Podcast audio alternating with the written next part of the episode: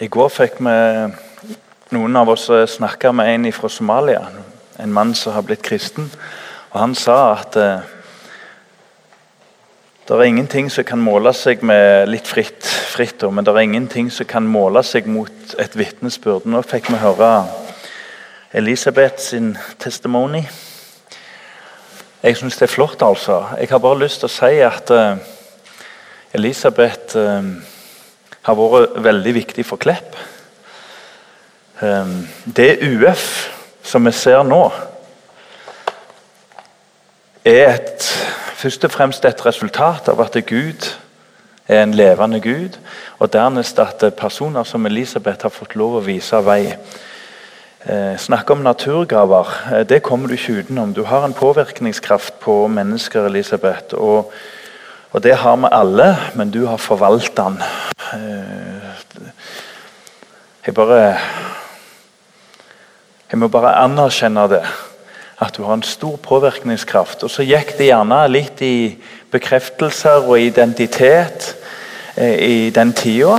Men, men, men, eh, så ble det en tid for en større innsikt i Guds ord. Hvis, vi, hvis jeg forstår deg rett nå, En større innsikt i at relasjonen må være at Gud må fortjene til og med Elisabeth først. Men jeg har bare lyst til å si det at det er mange ungdommer på Klepp som på en måte har blitt eh, har fått en sånn retningssans eh, ved å være nær og rundt personer som Elisabeth. Og Det er jo sånn vi har lyst til å leve livet vårt. Vi har lyst til å skape og sette retning, først for våre egne liv, og òg for andre menneskers liv.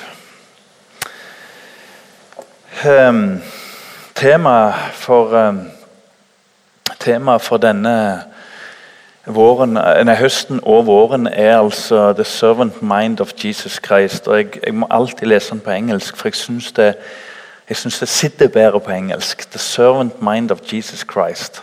Jesu tjenende liv og sinn og tanke. Jesus som en tjener. Og så minner jeg hverandre på at eh, jeg har mange ganger tenkt at det er et kjedelig tema. Det er jo så mye spennende som skjer nå. Mange menigheter jeg bruker ganske mye tid og oppmerksomhet på helbredelse, f.eks. Ikke bare indre helbredelse, men òg eh, den fysiske helbredelse. Og så er i fokus da, på Klepp. Vi bruker tid på Jesus som tjener så kjedelig. Men når Den hellige ånd får vise oss eh, noe her, så tror jeg vi skal oppdage at dette er dynamitt. Dette er sjokkerende, og det var provoserende for disiplene eh, til og med. Ikke bare for de utenfor som var frustrerte over at denne ydmyke tømmersønnen fra Nasaret av alle plasser tiltrakk seg så mye oppmerksomhet. Det var irriterende og frustrerende. Men til og med disiplene skjønte ikke dybden, den sjokkerende dybden som kun Den hellige ånd kan åpenbare. At Jesus var kommet for å være diakon. Og Diakon lærte vi er å gå igjennom støvet. Og Det er provoserende at det var en sånn Messias Israel skulle få. Og så er det like provoserende i dag. Og Jeg nevnte, og jeg tør sitere, mor som er så forsiktig å snakke om sykehuset, for det er, det er et veldig stort fag. Det var et kall for hun å være sykepleier, så det snakker vi ikke om. Det er en profesjonell side ved dette. Men på de eldre dagene har vi jo lov å lette litt på ting. Og Da forteller hun at du ofte blir tilkalt, eller det vil si det er andre mennesker som har fortalt det mest, men jeg har fått bekreftet fra hun at hun blir tilkalt nesten som en sykehusprest. For det er bare én, og nå vil de jo ta vekk den ene og to som der er. De har vel gjort det allerede. Og Så blir hun tilkalt, og så får hun stå med mennesker, spesielt de hun har en viss relasjon til, og så sier hun noe sånn som dette at eh, Har du fred i ditt hjerte? Og Så utfordrer de til å ta imot Jesus hvis det legger seg til rette innenfor en profesjonell ramme. For hun tvinger ikke noen. Og så takker mennesker nei. Rett inn for døden. Bare tenk kontrasten til han som henger på korset. Rett innenfor døden så takker mennesker nei. Det er noe sjokkerende og provoserende av å bli tjent av Jesus Kristus. Og det er noe oppsiktsvekkende når meg og deg som disipler tilfeldigvis i dag i Fokus hverdagsmenighet kan få bli tjenere i vår bygd. Det er oppsiktsvekkende. Da får evangeliet føtter å gå på. Da får evangeliet hender som virker, og øyne og ører som ser og lytter. Og Temaet for i dag er nød for de ufrelste. Og Da har vi tenkt at vi skal ikke bare si 'jeg gjorde det', og så sa jeg, og så traff jeg den, og så skjedde det og det, og jeg og jeg og jeg. Da har vi lyst til å fortsette i den ånden, at vi maler Kristus først og fremst. Hvordan var Kristi ånd? Hvordan var Jesus i forhold til de ufrelste? Og Da kan vi si i bunn og grunn for enhver levende sjel her på jord. Så Da må vi studere Kristus. Men la oss få opp et bibelvers fra Romerne kapittel 10. Eh, vers 1-4. Og Der ser vi denne nøden. Og Jeg har lyst til å si før vi leser og det er det at eh, Hvis vi som forsamling her har alt unntatt nød. Den der hjertebrannen som smitter inn i hjernen i alle deler av den, høyre og venstre og alt som, som går litt i surr. Noe foran og bak der. Hele kroppen. Hvis vi som troende her på Klepp ikke har nød, så er vi altså som bare sånne klingende bjeller og som trompeter som bare blåser uten kraft uten påvirkning. Det er helbom. Jeg tror vi kan si det sånn det er mislykka. Vi har jo alle jobbet med ting og tang og prøvd å få til ting, så må vi av og til erkjenne at dette var mislykka. Det var bom. Som forsamling så er vi en mislykka forsamling. Vi har bomma. Så sterkt vil jeg bruke ordene. Og vi har en funksjonell sangtjeneste. Vi har gode ledere. Vi har mennesker som står i døra. Vi har mennesker som, som lager mat for at mennesker som har lyst til å være tjenere. Viktige tjenere for å skape gode liksom sånn argumenter for å snakke sammen. Og så bommer vi på selve Helligåndens brann. Og den kommer ovenfra. Ja, Og så setter han seg i hele legemet. Da bommer vi. La oss lese. Og så bare tenk også, Fokus hverdagsmenighet sin visjon er jo heftige. Nesten umulige. Ja, han er umulige for kjødet. Gjøre Jesus kjent for Klepp. Og Da er det ikke sånn vi henger opp en plan. Jesus lever, så er vi ferdig. Det var ikke det altså, Å ja, Jesus lever. Det var dypere og mer virkningsfullt. Brødre, Mitt hjertes ønske og min bønn til Gud for dem er at de må bli frelst. Og nå har jeg lyst til å si det med en gang. Dårlig samvittighet har en funksjon. Akkurat som hørte eh, Anne Solfrid snakke om skam, har en funksjon hvis den driver oss til Kristus. Det har òg dårlig samvittighet, men hvis kristenlivet er bygd på dårlig samvittighet, så blir det slitsomt. Det går faktisk an å røyke av dårlig samvittighet. Og ruse seg av dårlig samvittighet. Der vi som forsamling sier vi skulle ha vitna mer. Og så er det akkurat en, en sånn tilfredsstillelsesrus, det vi skulle ha gjort. Skal vi legge bort dårlig samvittighet nå? Og så skal vi la oss inspirere av Guds ord og av Paulus, Mitt hjertes ønske. Paulus når han summerer opp for dem og starter dette kapittel 10 som er et av de viktigste misjonskapitlene i hele Bibelen. Hvor herlig lyder føttene som bærer godt budskap. Det er derfor vi sender misjonærer. Det er flere her inne som er sendt til utland fordi vi tenker at eh, de som vet det, vet ikke hvor god den lyden er for dem. Det kommer altså ifra hjertet.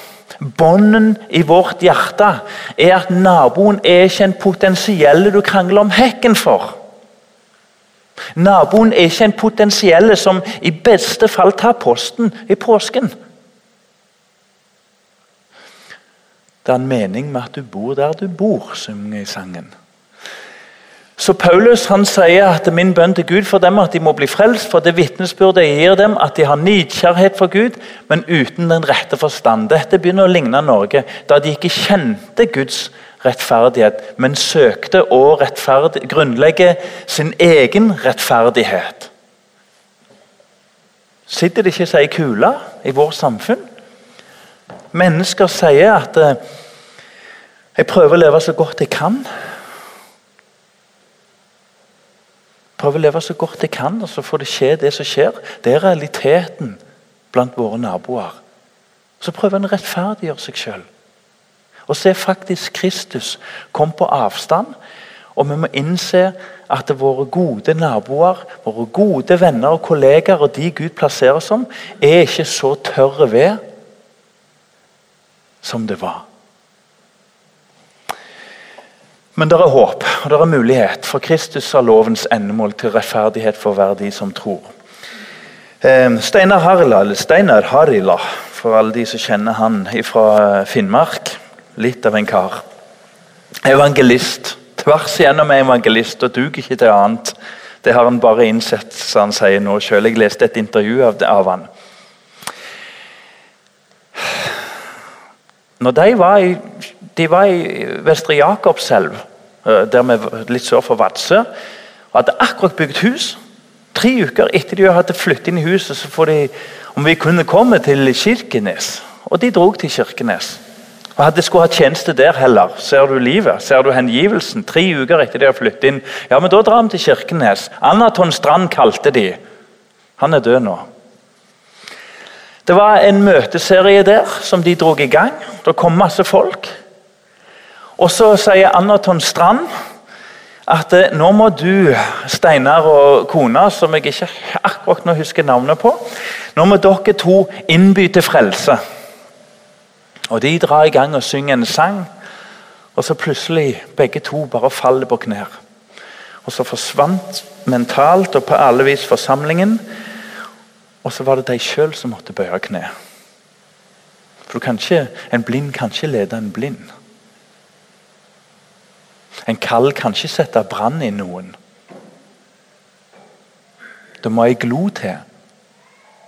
Og Det nydelige er at ei bitte, bitte lita glo kan gjøre en svær, svær brann. Men det må være ei bitte, bitte lille glo, eller aller helst glør rakt i sammen. Så Steinar Harila så han sier at han ble ordinert, han. Han ble ordinert på lik linje og vel så det som en biskop. Men det var en ordinasjon foran Guds alter. Og Gud måtte først sette en brann i de to. Og jeg tror at det er hundrevis, for jeg har møtt mange av de, som i tjenesten til Steinar Harila og kona Jeg tror mest vi skal løfte hun opp. Høres ikke sånn ut når jeg ikke husker navnet. De to som lot seg ordinere i vekkelsens og evangel evangeliets tjeneste. Um, hvis vi får opp forkynneren kapittel, nei, får opp Lukas kapittel 5 og vers 32 Nei, uh, unnskyld, nå har jeg gjort uh, vers, uh, kapittel 5. Jeg har, jeg har, sagt feil til deg her nå. fyller òg, altså. 27. Hva i all verden har jeg gjort her? 27 og 32?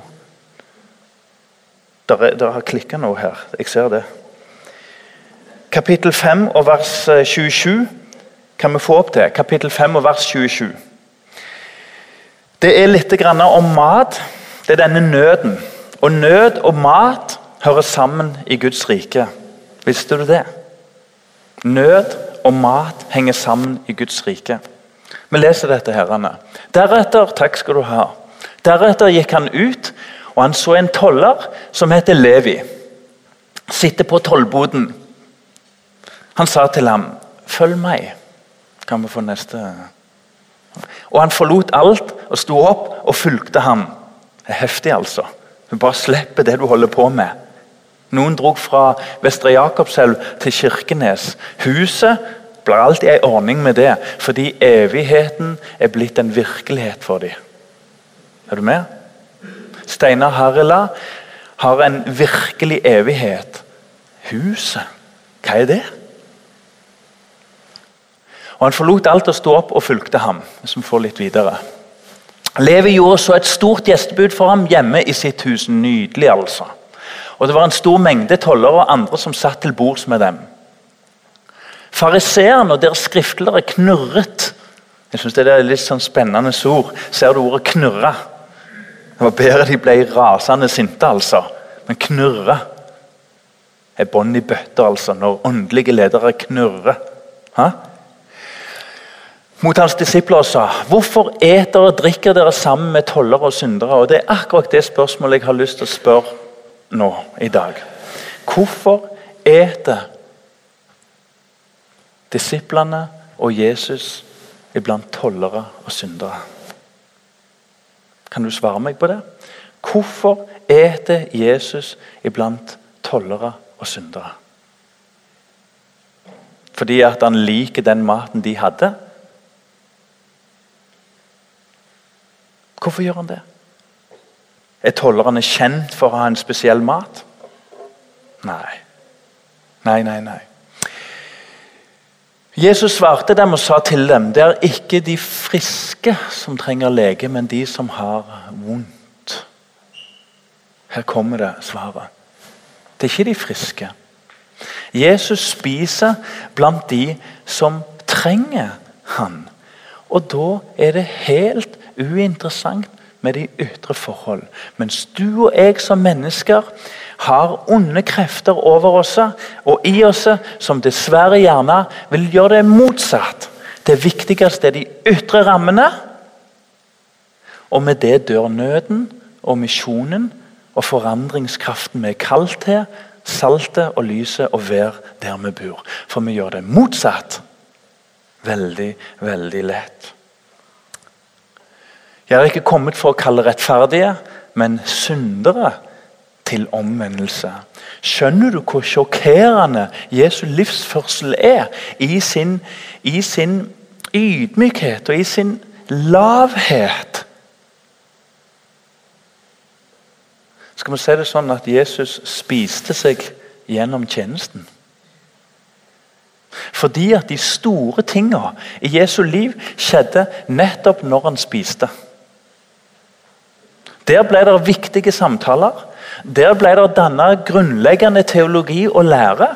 Der ble mennesker satt på plass og regulert og ydmyka.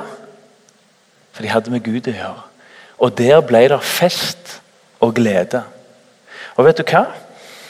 Personlig, og på Kleppeverden 80, så har jeg måttet gå i meg sjøl og så har jeg tenkt Når jeg Aslak, kommer til en fest så skal det være sånn at folk tenker der kommer Aslak så bra.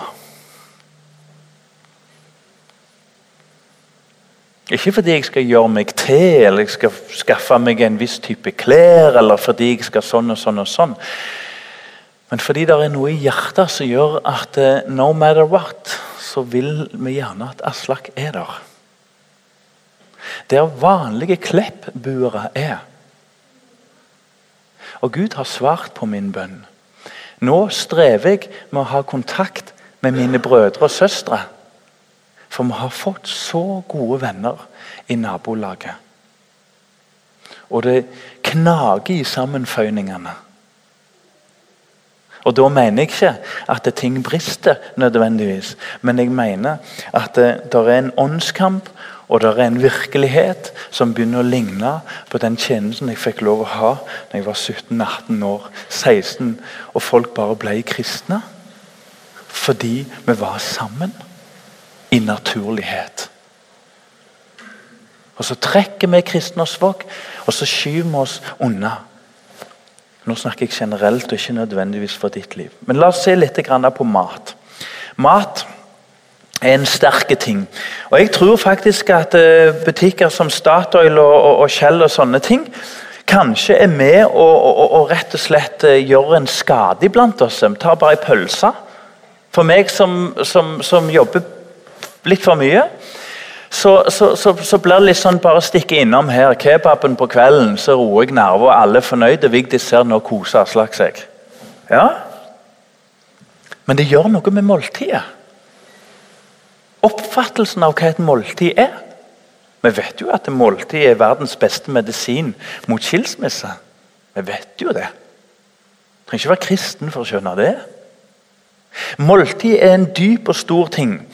Eh, det er en demonstrasjon av kjærlighet i alle land. Det er et, en aksept.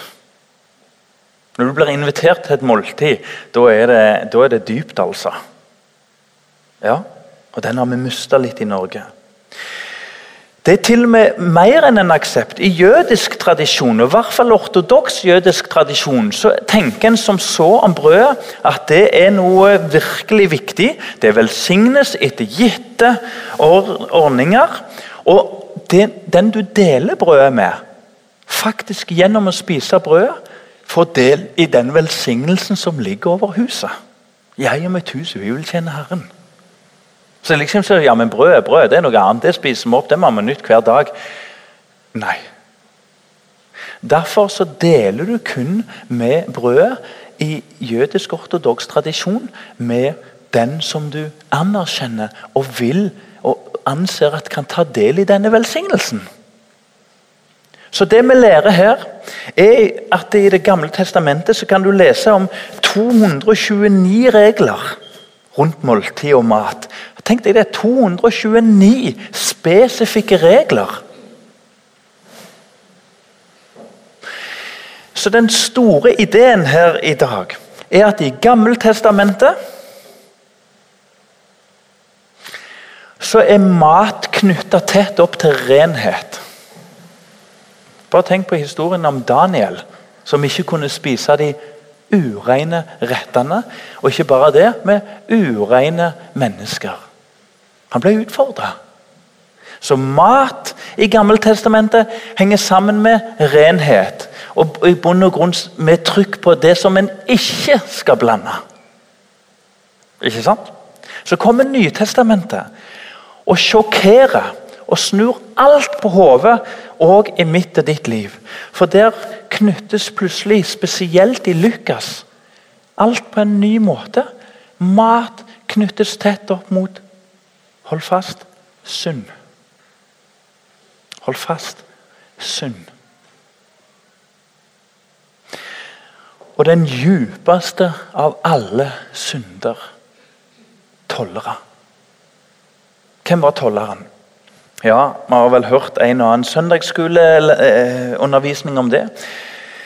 Men tollerne på Jesu tid var mm, først og fremst koble opp til en Kan vi få opp det bildet? Koble opp til en pengemaskin. De hadde sine bord. Eh, vi skal være litt forsiktige med å binde oss for mye til akkurat det bildet, for igjen ser Jesus italiensk ut. Det skal vi være forsiktige med. Men eh, Jeg mener ikke gjøre skam, men, men, bilder kan ha stor stor virkning. Men de kan òg eh, binde oss litt. sant? Eh, her ser vi et lite bord. Det bordet der det er, det er, vel den drømmen som alle gründere har. Går det an å finne opp noe som bare går av seg sjøl? Liksom? Når du har satt i gang, så bare trykker det penger. Har dere ikke vært med på den tanken? Eller kanskje det er bare meg? Går det an å gjøre noe her i livet som bare liksom, når du har satt i gang, så bare går det av seg sjøl? Og så blir vi skuffa. Det bordet der trykte penger for han som satt der. Enorme summer. De var òg upopulære. De var så djupt upopulære at eh, begynnelsen på innkrevingen i Israel var at de brukte romere. Sant? Men de ble drept. Så de fant ut at skal vi få drevet inn disse skattene våre, så må vi bruke medløpere. Og Levi var bånd i bøtta. Jeg tror Quisling gir oss et visst bilde av det, men det er mye verre. Quisling er en forræder, og var det, men det stikker mye dypere. Det var Levi. Det er så bånd i bøtta som du kan få det. Det var der Jesus tok inn til fest. Og Så kan vi legge merke til en ting til. Og det er det at eh, eh på, på, Jesu tid så, så På Jesu tid så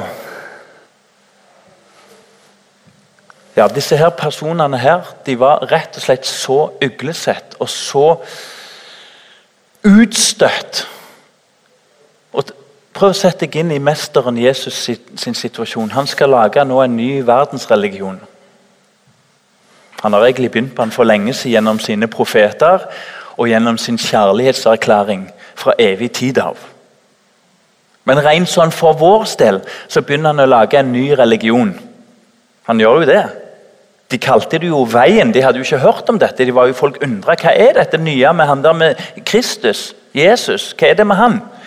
Det var en ny religion. Og så velger han ut Levi. Så velger han ut Levi. Han starter alt med bånd i bøtter på jord. Og så har du og jeg problemer med å forholde oss til naboer som er halvt kristne gjennom tusen år. Hva er det som skjer? Vi trenger en vekkelse. Og den trenger vi akkurat nå. For det er ikke bare Steinar Harila som må på knær. Du og jeg står overfor noe veldig spennende. Tenk om du og jeg kan få lov å få Kristi øyne og Kristi ører, sånn at når vi ser på mennesker, så ser vi der er vår misjonsmark elska av Gud og elska av meg. I går fikk jeg høre et sterkt vitnesbyrd av en som forteller at når jeg ble kristen, så hadde jeg problemer med muslimer. Men så fikk Guds ord vist ting fra meg, og så fikk jeg en kjærlighet til muslimer. Det sitter i hjertet. Hvis naboen er en som i beste fall tar inn posten for deg, så er vi virkningsløse. Uten kraft der vi bor. Jeg tror vi skal avslutte dette her med å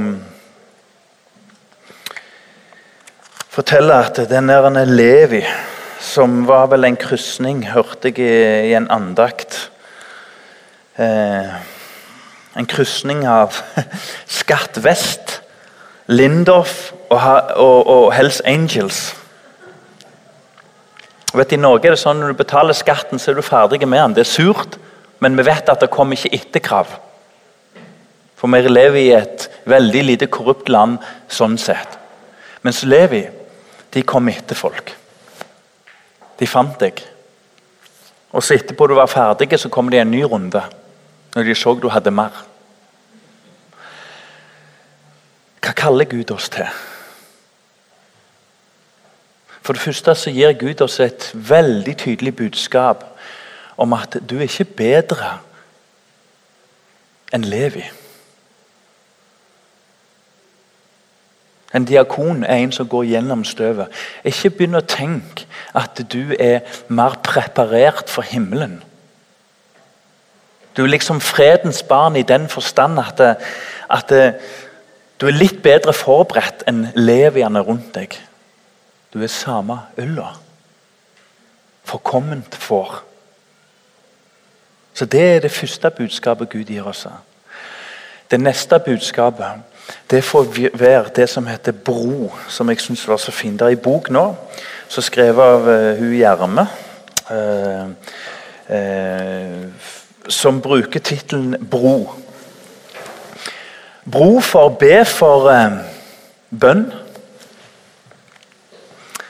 Skal vi begynne å be for dedikerte mennesker? Skal vi tørre det? Jeg tror det er mange som gjør det allerede. Men skal vi tørre å be kraftsbønn for dedikerte mennesker? Skal vi òg tørre som menighet å begynne å be sammen? for de menneskene som du ber hver for seg. Vi kan ikke akkurat lage ei liste, for det, det, er ikke alltid rett. Men skal vi bli en bevegelse som sammen ber for Siden Elisabeth var framme Elisabeth og de Gud legger på ham. Og så har du punkt to relasjon. Den som ber, bryr seg. Jeg ønsker å se en menighet som ser at mennesker blir frelst. Ellers er det noe galt. Jeg ønsker å se en menighet som ser mennesker frelst. Relasjon og til slutt Guds ord. Vi går i ei gruppe med mennesker som ikke tror. Eller som hun Gjermese skriver det, som tror litt. Jeg syns hun fanger Norge godt, som tror litt. Vi går i ei sånn gruppe. Og vi har innsett mer og mer at Guds ord må leses sammen med våre naboer. Tør vi det? Vi fikk utfordringen fra Elisabeth i begynnelsen av møtet. Kaller Gud deg til noe som ikke nødvendigvis er supernaturgaven? Sånn sett burde jo meg og Frode begynt å synge. Du oppmuntrer så kanskje det er det gaven vår. Sant? Å lede dere i sang? Nei. Men kanskje det er noe for meg og deg? Noen naboer? Noen venner? Som helt og fullt orienterer oss mot. Alt All vår kraft, all vår orientering går med det, så vi blir kraftfulle i våre liv. Ikke i kraft av våre liv, men i kraft av at Gud viser vei. Bro.